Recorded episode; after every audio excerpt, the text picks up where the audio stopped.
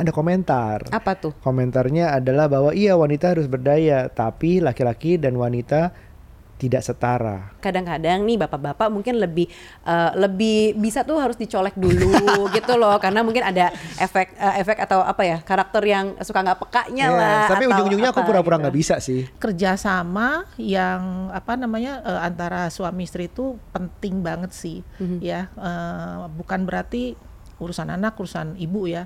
Wanita kan jago multitasking ya, uh, dan itu kelihatan ya, gitu. Aku jadi aku nggak bisa. Nah, exactly. Jadi kita sebagai laki-laki itu tercover gitu, karena kadang-kadang yang diurusin banyak, tapi karena perempuan jago multitasking, kadang-kadang yeah. diingetin juga gitu.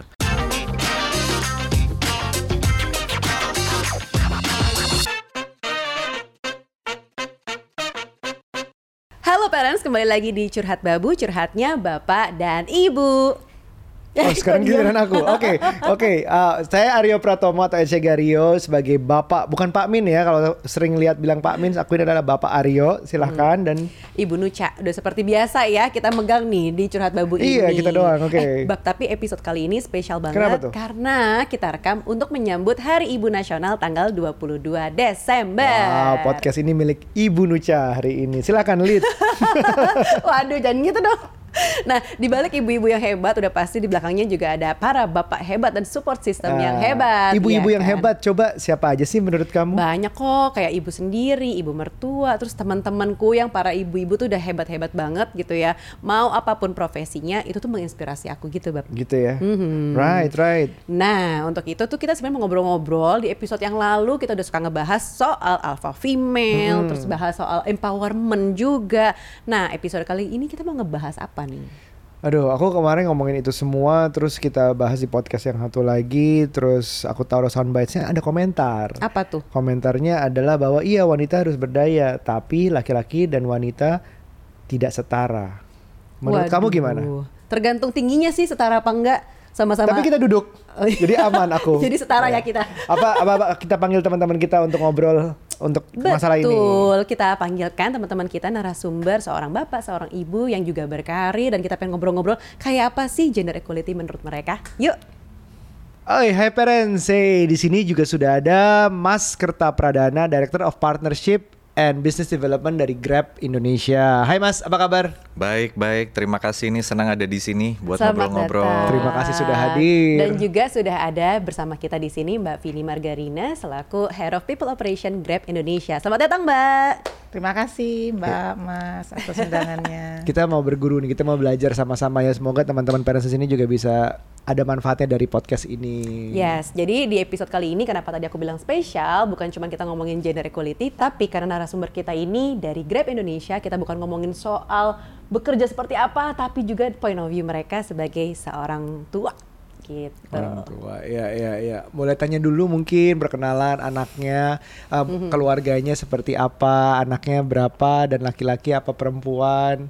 Kayaknya uh, kita yang bisa belajar nih dari Mbak dan Mas di sini nih. Betul, boleh cerita dulu dong Mbak Vini, anak berapa nih? Oke, anak saya dua.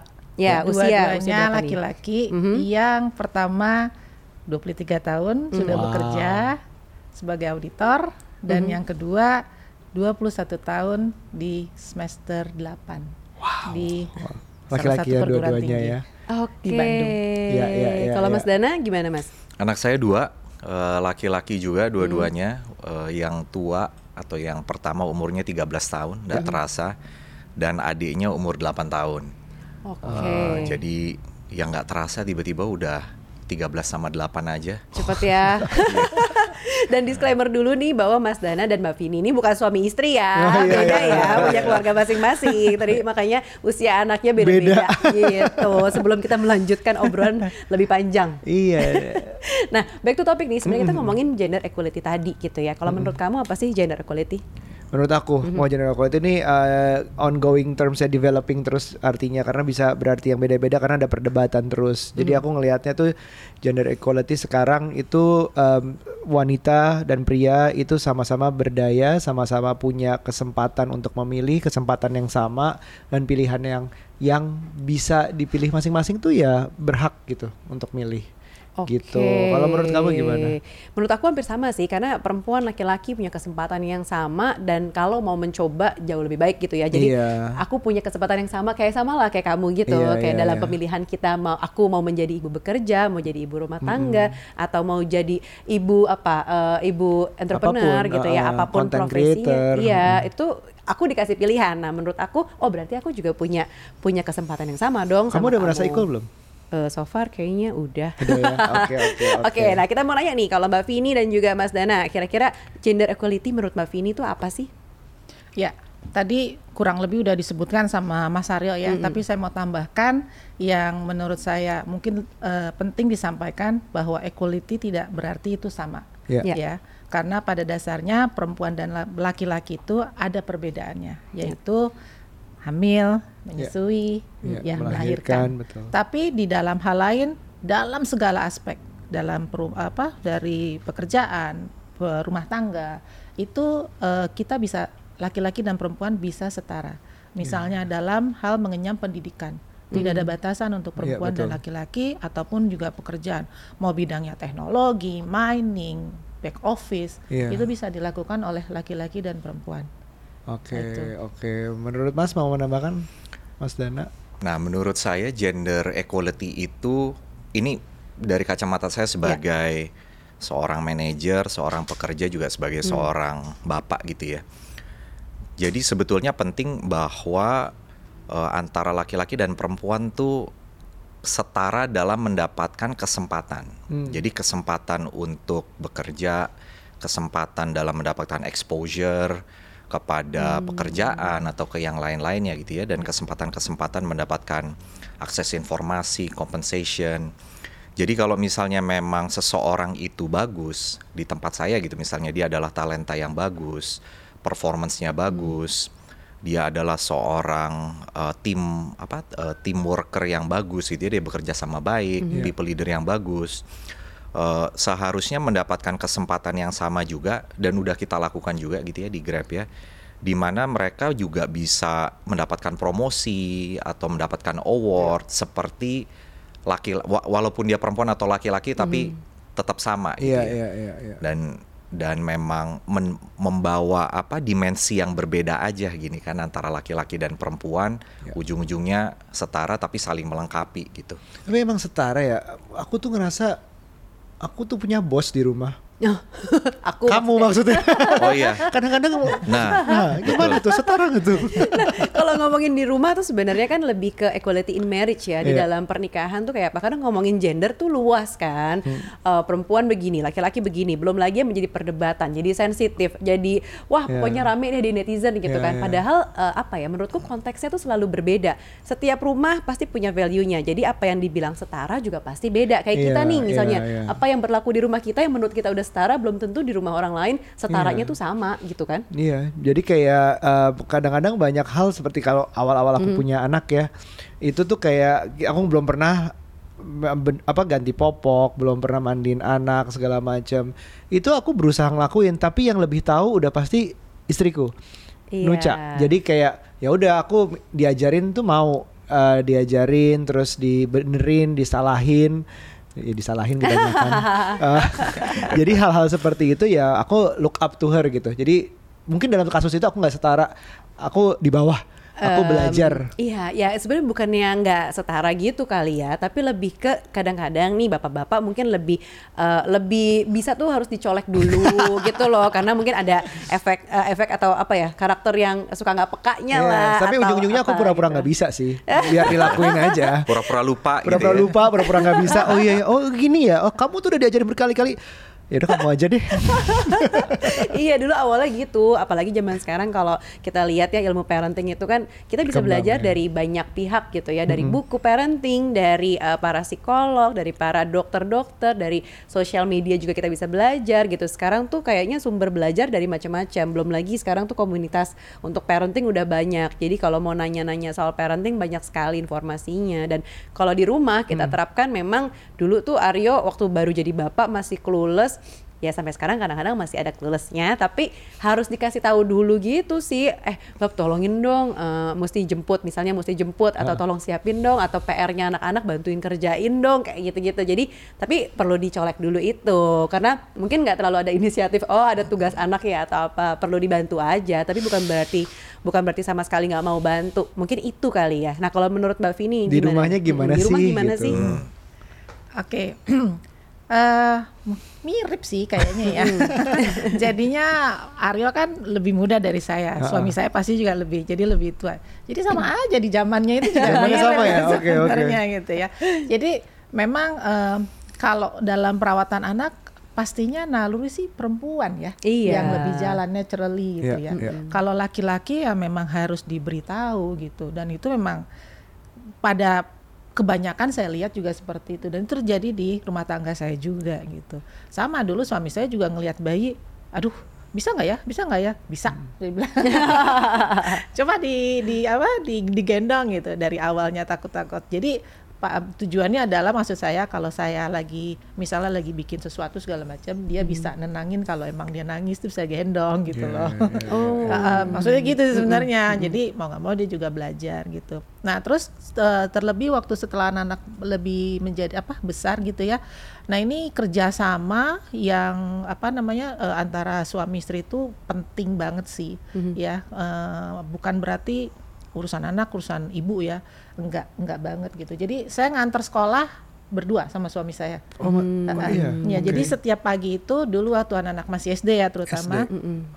eh kita udah udah sepakat saya kerja kamu kerja kalau pulang kerja malam-malam ketemu anak tuh kurang enak gitu ya maksudnya kitanya capek gitu ya Betul. anak-anak juga udah yang siap mau tidur gitu ya jadi kita sepakat pagi-pagi kita harus anterin anak jadi saya sama suami saya nganterin anak nunggu mereka sampai eh, masuk sekolah gitu ya masuk kelas baru kita berangkat ke kantor masing-masing Hmm. saya dianterinnya juga nggak nggak sampai kantor by the way ya saya dianterinnya sampai tengah jalan terus saya naik taksi Oh gitu.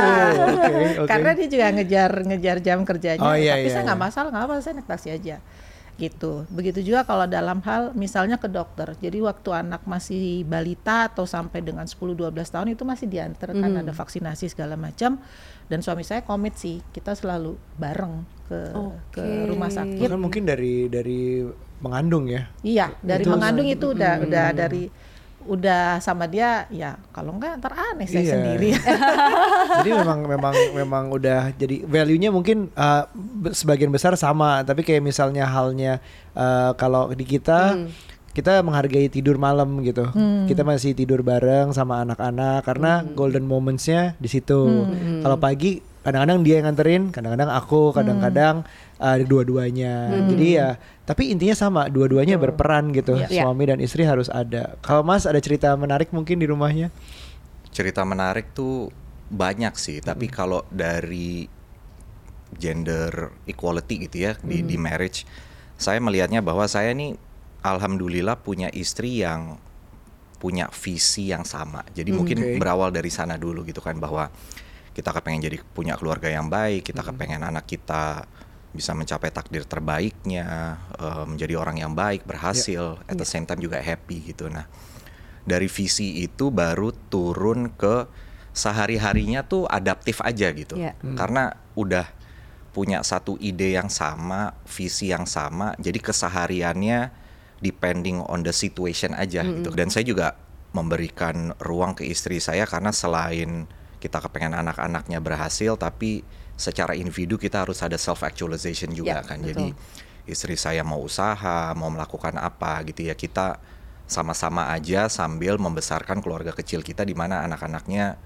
eh, bisa jadi baik lah. Nah dari situ tuh adaptif aja gitu karena mungkin visi dan misinya udah sama, kesehariannya udah yang oh, oke sekarang eh, saya harus keluar kota gitu kan. Jadi mungkin eh, yang ngajarin sehari-harinya kamu dulu gitu. Iya, iya. On the other hand mungkin uh, ada saat di mana istri saya yang harus keluar meeting gitu kan. Jadi saya dulu yang nganter-nganterin anaknya dan itu sih menurut saya ya dan saya beruntung di Grab ini mempunyai culture yang cukup mendukung buat kita uh, melakukan mendukung uh, style yang kayak gitu gitu Iya. kan work from anywhere infrastrukturnya bagus jadi kembali lagi visi misinya sama, yang lainnya adaptif aja gitu.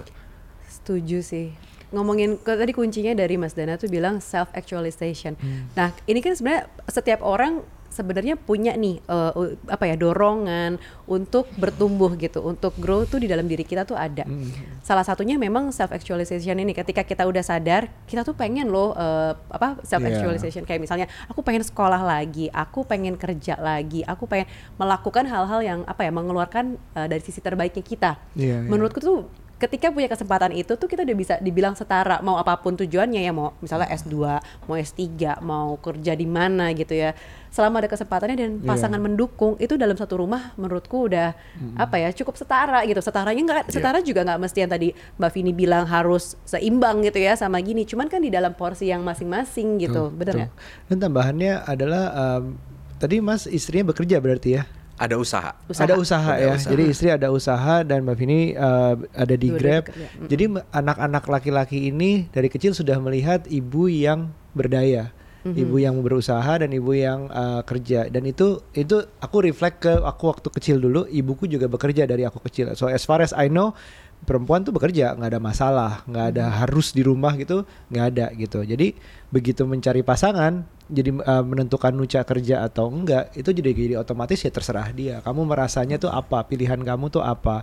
Nggak harus bekerja tapi kalau mau oh ya ya silahkan gitu. Jadi kayak ini sebenarnya meli sangat berperan orang tua di mana kita grow up terus melihat gimana kita memilih pasangan dan nanti akhirnya membesarkan anak kita. Aku suka ngelihatnya di situ juga sih. Nah, lingkungan kantor tuh juga ngebantu gitu. Yang aku tahu tadi Mas sempat eh, singgung sedikit tentang Grab tuh mendukung. Beberapa company di luar sana itu masih ada yang timpang bahwa eh, laki-laki dan perempuan di posisi yang sama gajinya beda atau kesempatan untuk majunya lebih terhambat atau um, networknya dibatasi atau karena misalnya biasanya zaman dulu ada ada beberapa company yang mikirnya bahwa oh kalau perempuan tuh nanti ada cuti hamilnya nanti nggak produktif kalau kelamaan. Ah, belum yang uh, cuti bulanannya yang sebulan sekali terjadi itu. Di Grab tuh kayak gimana sih? Ada yang bisa share nggak? Oke, saya mungkin saya share ya Mas Dana ya. Ya, jadi kalau di Grab sendiri eh, sangat mendukung eh, untuk seorang at- eh, karyawan yang sudah berkeluarga eh, Mhm. terlebih ya eh, balancing gitu ya. Karena pertama eh, kita flexible hours dan flexible flexible time juga karena yang dilihat adalah result driven Hmm. ya. Jadi secara proses terserah mau ngerjainnya kayak apa, tapi yang penting resultnya seperti ini gitu ya. Hmm. Karena kita eh, bisa bekerja dari mana aja, fleksibel, eh, apa wo- work from anywhere lah, Iya, gitu ya. iya. Tapi memang tetap ke kantor harus sih, karena dalam seminggu itu disarankan memang untuk kantor untuk kita lebih untuk bisa berkolaborasi. Betul. Iya benar. Ah, ah, tapi untuk dari sisi waktunya diserahkan ke karyawan. Terus kedua Ah. eh, cuti tadi, Eh, cuti melahirkan untuk seorang wanita itu empat bulan karena rata-rata masih tiga bulan. Kalau sekarang Oh, kita berusaha untuk bulan. mendekati eh, apa namanya eh, golden Period ya. ah, Ya, ya, period. mudah-mudahan bisa close to enam bulan tapi ini baru baru empat bulan. Oke. Nah, kita juga melihat bahwa di bulan pertama kita melahirkan itu Iya. masa yang paling susah kan. Iya. Gitu. Jadi sangat perlu support dari suami atau Mhm. ayahnya gitu. Eh, makanya kita memberikan paternity leave-nya 15 hari. Oh. Karena kalau menurut undang eh, peraturan pemerintah hanya tiga hari. Betul. Nah, Iya, Grab memberikannya 15 hari dengan harapan para suami ini bisa membantu Mhm. eh, apa istrinya untuk ap- me- merawat bayi, Minimal kalau nggak membantu merasakan Ah. nemenin begadang, Nemenin misalnya. begadang nggak Iya. tidur ya. ya. Pesenin Grab food gitu kan. Benar, itu paling Benar, penting benar. ya. Terus kita juga ada Grab uh, uh, Grab Flex itu uh, jadi ada sejumlah ada itu adalah benefit untuk sejumlah dana yang bisa kita uh, beri yang bisa kita gunakan untuk apa pun baik untuk pendidikan anak, untuk asuransi anak gitu itu bisa dilakukan. Lalu ada juga untuk mm, cuti ya. Kalau cuti juga kita lebih banyak daripada ketentuan di mana ini bisa digunakan untuk lebih eh, apa namanya dipa- dipakai oleh keluarganya gitu. Paternity leave tuh bagus banget karena karena um, kamu mungkin di Parent Talk sering ngobrol dengan expertnya betapa pentingnya di awal-awal Mhm. bayi lahir itu. Bahkan kita pernah cerita di podcast-podcast kita tentang gimana apa yang dialami ibu sih sa- saat baru melahirkan. Ada yang baby blues, ada yang Postpartum kecapean, depression postpartum juga. depression, banyak banget ya. Jadi dengan at least diberikan waktu selain selain entah baru dia bisa figuring out di rumahnya ngapain gitu dari Mhm. daripada ya udah harus masuk lagi secara cepat gitu. Betul betul betul. Ini menarik banget ya berarti kebijakan-kebijakan yang ada di Grab Indonesia gitu. Apa kita pindah ke situ? Iya boleh, boleh. Eh, Grab nggak mau bikin podcast, mungkin kita kita bikinin. Jadi em, kalau kita ngomongin eh, tadi ada beberapa maternity leave, paternity leave. Tapi kan eh, kadang-kadang kan ada sesuatu yang kayak darurat gitu. Kayak em, anaknya ternyata kalau di anak kita ya umurnya maksudnya jatuh di sekolah harus pulang gitu, harus ke emergency room atau UKS lah zaman dulu istilahnya. Nah itu gampang nggak sih, fleksibel nggak sih? Apalagi ya kedadakan gitu. Mm-mm, misalnya ada acara sekolah anak gitu kan kadang-kadang suka ada dadakan tuh pagi-pagi atau gimana gitu atau ada kegiatan yang mendadak deh buat keluarga. Kira-kira gimana tuh kalau di kantor? Mungkin Mas Dana kali yang lebih Iya. Pernah kejadian nggak? Pernah kejadian. Ada kejadian gitu. nggak tuh, Mas? recently. Eh, pernah banget sih. Jadi waktu itu anak saya ada ada konser performance saya lupa. Karena Nah, nggak di- bapak-bapak iya, banget saya Karena nggak dimasukin kalender, kalender gitu. ya lupa Iya ya, kan? ya. Miss kadang-kadang. Soalnya harus kan- banget Mas dimasukin Betul, karena kalau appointment appointment kerja kan dimasukin langsung Dimasukin. otomatis ke Mas kalender saya gitu. dimasukin kalender juga masih lupa kok. Ah. masih harus diingetin. Bener, cuman kalau yang eh, apa kadang-kadang kayak konser anak itu itu kan nggak masuk kalender. Nah ini eh, apa namanya lupa padahal besok gitu. Jadi eh, beruntungnya di Grab adalah ya ini tadi ya eh, kolega-kolega saya, tim saya yang juga laki dan perempuan semuanya tuh sigap. Sehingga ada beberapa eh, external meeting yang tadinya saya eh, harus eh, hadiri saya bisa minta tolong kolega saya yang eh bisa nggak tolong wakili nih? Gua harus ini eh, konsernya cuma sekali nih ini konser pertama setelah pandemi gitu kan.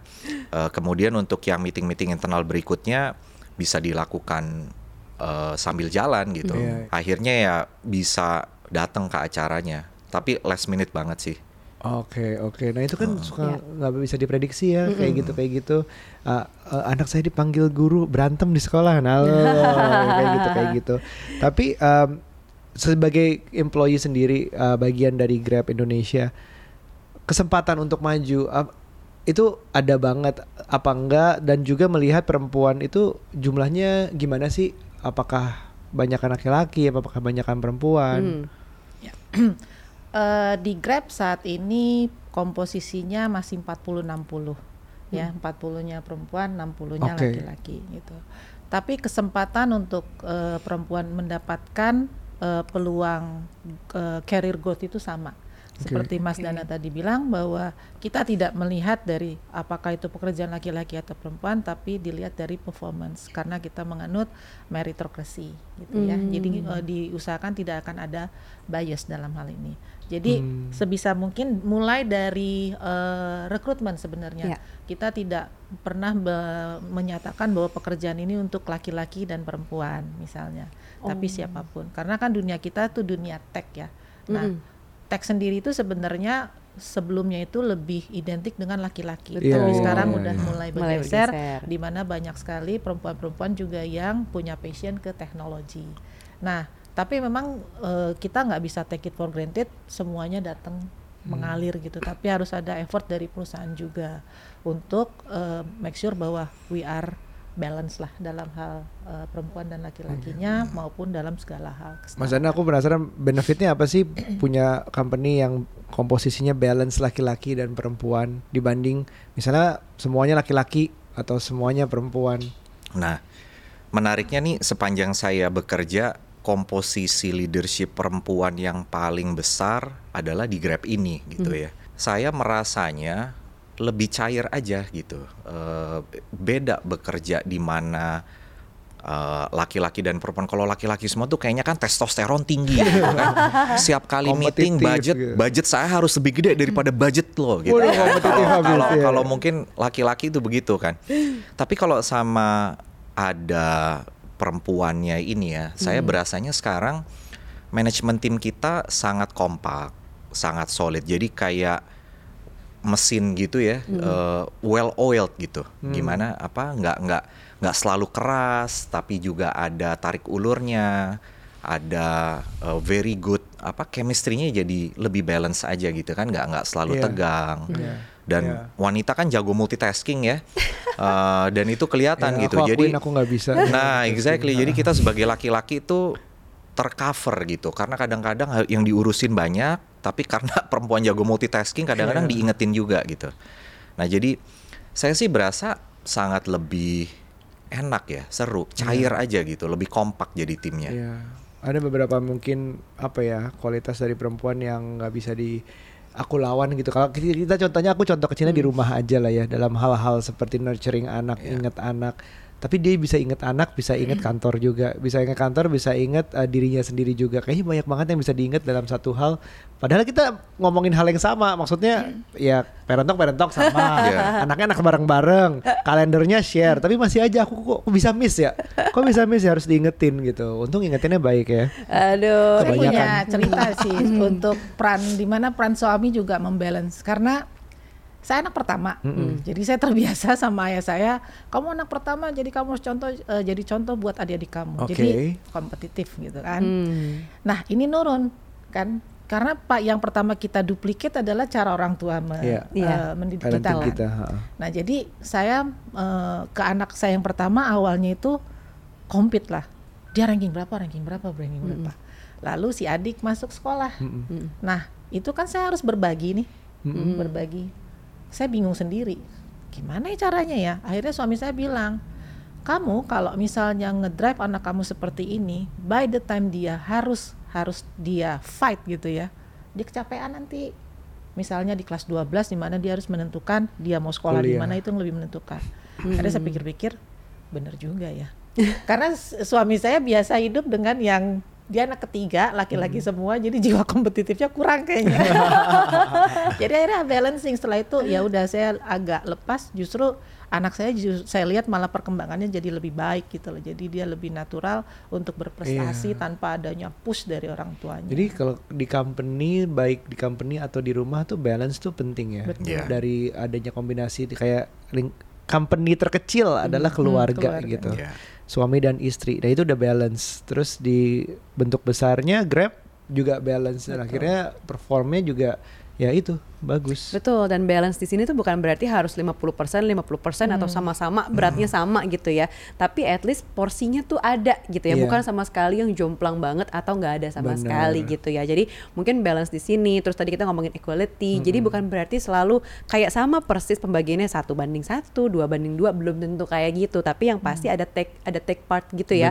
Laki-laki ada partnya, perempuan juga ada partnya. Jadi tadi kayak kata Mas uh, Dana bahwa di di ruang kerja tuh uh, apa lingkungannya jadi lebih enak, lebih Iya, cair karena yang iya. laki-laki tadinya ambi banget, terus tapi ada perempuan juga yang multitasking tapi bisa mengingatkan juga. Jadi kayaknya enak gitu loh flow kerjanya ya kan? Betul. Dan terakhir mungkin aku tambahin Hmm. gimana ini terjadi, balance ini terjadi juga harus ditambah dengan komunikasinya maksudnya. Ya, Jadi betul. antara suami dan istri, antara divisi di kantor, antara atasan bawahan, semuanya kalau komunikasi lancar, di balance itu tercapai. Dan untuk kalau ngomongin komunikasi kita udah sering ya di podcast-podcast kita yang lain, mungkin bisa dicek episodenya, siapa tahu akhirnya kita menuju balance yang tadi. Nah, karena episode kali ini ngebahas soal Hari Ibu, pengen tahu juga nih makna ibu di mata Mbak Vini dan Mas Dana. Oke, Mas Dana dulu deh, Mungkin boleh silahkan. ya.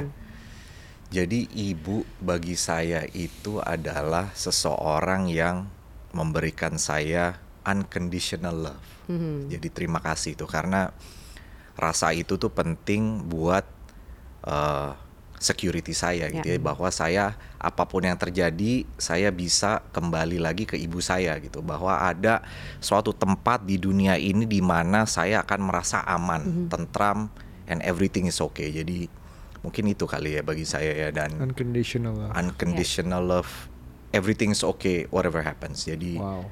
I think that's the biggest thing buat saya untuk seorang ibu gitu ya. Jadi Yes. terima kasih ibu-ibu. Selamat Hari Ibu. Nah, menurut Mbak Vini gimana? Kalau saya menganggap ibu saya itu sahabat sejati ya, Mhm. karena tanpa ada apa prejudice gitu. Jadi apa pun, kapan pun kita datang ke beliau, dia selalu terbuka gitu ya.